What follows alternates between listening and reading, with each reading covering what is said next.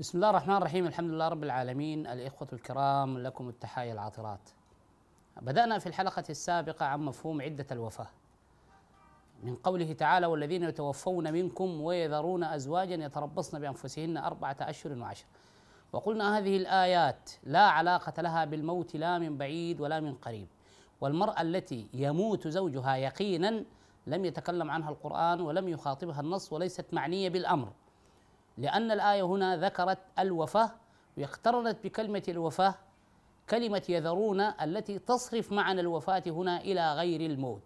إذا النتيجة فهذه الآيات تتحدث عن نوع من أنواع الطلاق.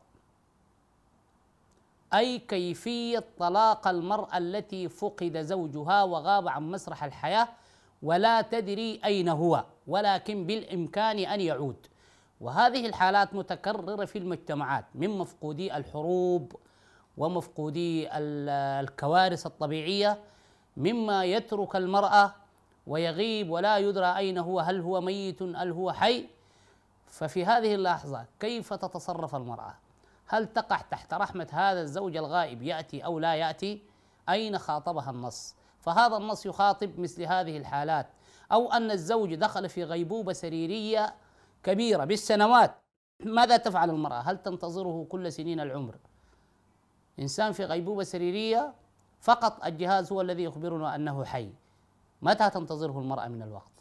القرآن يتحدث عن هذه الحالة كيف تتطلق المرأة وتنفصل من الزوج الذي غاب وفقد عن مسرح الحياة أو دخل في غيبوبة سريرية وبالتالي هو في حالة وفاة.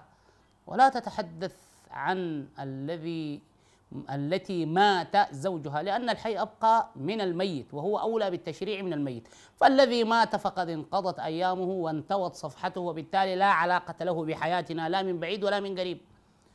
هنا المرأة التي مات زوجها يقينا تتأكد من براءة رحمها بما هو متاح سواء كان بالكشف الطبي أو بالموجات الصوتية أو إذا كانت هي تدري أنها يائسة من المحيض وتتصرف في نفسها ويمكن للمرأة التي مات زوجها صباحا أن تتزوج العصر.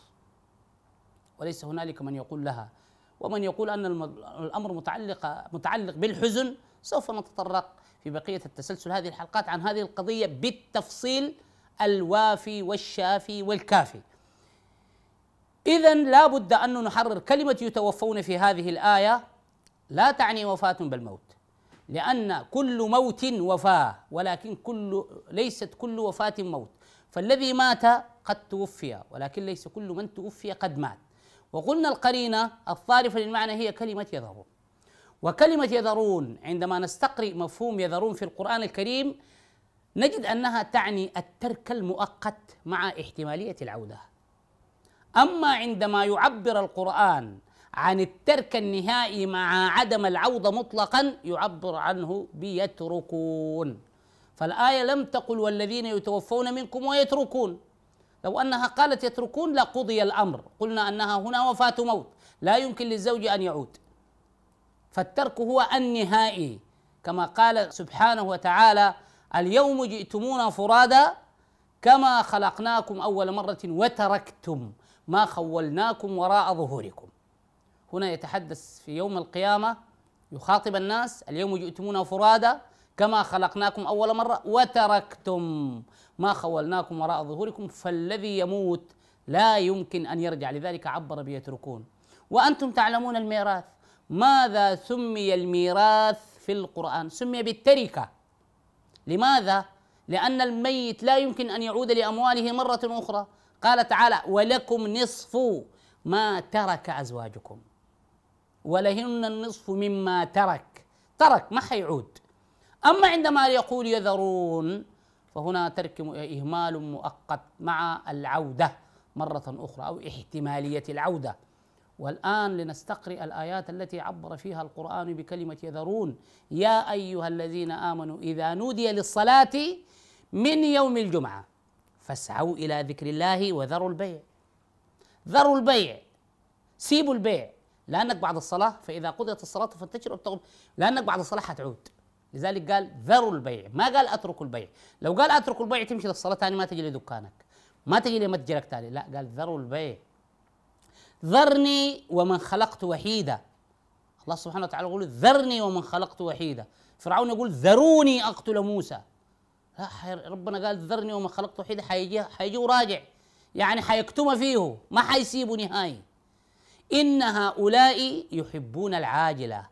ويذرون وراءهم يوما ثقيلا. وفي آية أخرى ويذرون الآخرة. هل نحن نستطيع أن نترك الآخرة وتتركنا أم أنها ستعود إلينا حتما؟ لا نستطيع أن نذر وراء أن نترك وراءنا يوما ثقيلا. فهو حتما سيلاقينا. هذه كلمة يذرون. وحتى قوله تعالى ذروا ما بقي من الربا. بالمناسبة هذا هو المفتاح الذي جعلني أعيد قراءة مفهوم الربا. وستجدونه إن شاء الله ضمن حلقات هذا البرنامج. مفهوم الربا ليس في الأذهان وما يمارس على أنه من الربا ومن تحريم الربا وهذه المسرحيات السخيفة التي تجري بين البنوك والعاملين أو الذين يقترضون من البنوك بهذه المسرحية أنك تأتي بفاتورة من صاحب المغلق أو فاتورة من صاحبة من صاحب المتجر وأنت تريد القروش الكاش. تعمل المسرحية الهزيلة دي عشان البنك يمشي يدفع لصاحب المغلق أو يمشي يدفع لصاحب العجول المزرعة. وانت تمشي بغادة بتاع العجول تقول له اديني قروشي أنا ما داير عجول ما داير مواد بناء. بديك القروش بتاعتك وانت بتمشي تعمل المشروع اللي انت عاوزه. بتضحك على من؟ انت والبنك.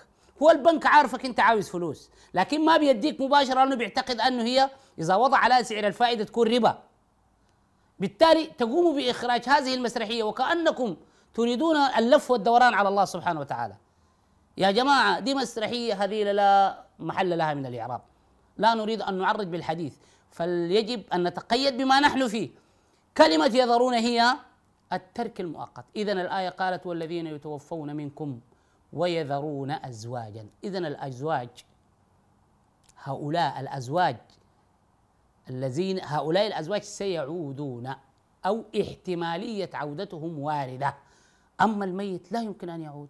لذلك قال الذين يتوفون منكم ويذرون أزواجا. وللأسف عندما وقع المفسرين والفقهاء في ورطة هاتين الآيتين عمدوا إلى سيف النسخ الباطل. وكما قلت لكم مرارا وتكرارا أن سيف النسخ هو دلالة عن العجز في التدبر. وكل من يعمد إلى سيف النسخ فهو قد أعلن عن فشله.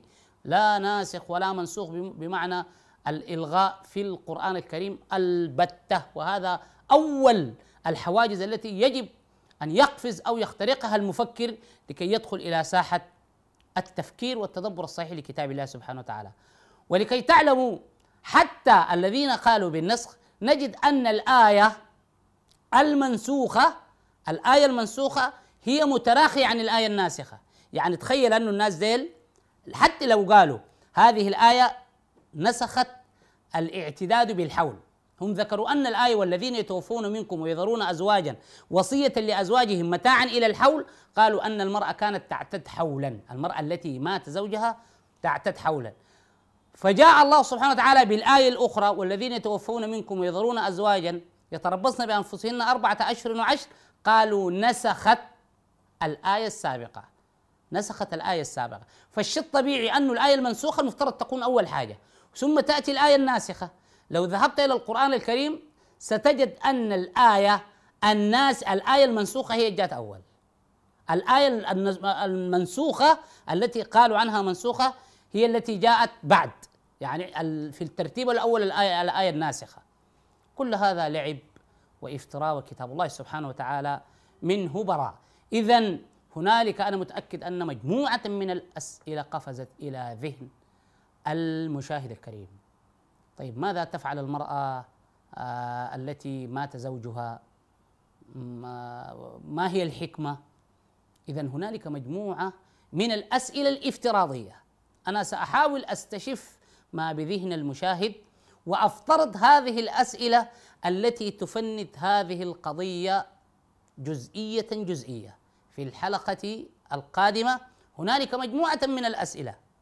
سأوجهها تفند كل المزاعم للذين يعتقدون أن هذه الآية إنما تتحدث عن المرأة التي مات زوجها. ومنهم من ذهب لتبرير هذا السخف إلى قضية أشبه بالفوازير وهي مسألة أن ذكر الرجل يترك بصمة على رحم المرأة بعد الموت. هذا كلام أفرغ من فؤاد أم موسى ولا يساوي حتى المداد الذي كتب به. من من دعاة الإعجاز العلمي. وهذه لدي معهم مشكلة كبيرة. أنا لا أنفي وجود الإعجاز العلمي في القرآن ولكن بهذه الترهات وبهذه الثقافة حيث يجعل القرآن في مواجهة مدافع الإلحاد هذا أسخف مما يقال عنه سخيف. في الحلقة القادمة بإذن الله سأواصل معكم في استقراء هذه القضية حتى نصل إلى النتيجة وبالتالي المشاهد من حقه أن يقبل أو يرفض وفقا للمبدأ الذي جاء في قوله تعالى الذين يستمعون القول فيتبعون أحسنه. أولئك الذين هداهم الله وأولئك هم أولو الألباب. إلى أن ألتقيكم في الحلقة القادمة. أترككم في حفظ الله ورعايته. السلام عليكم ورحمة الله تعالى وبركاته.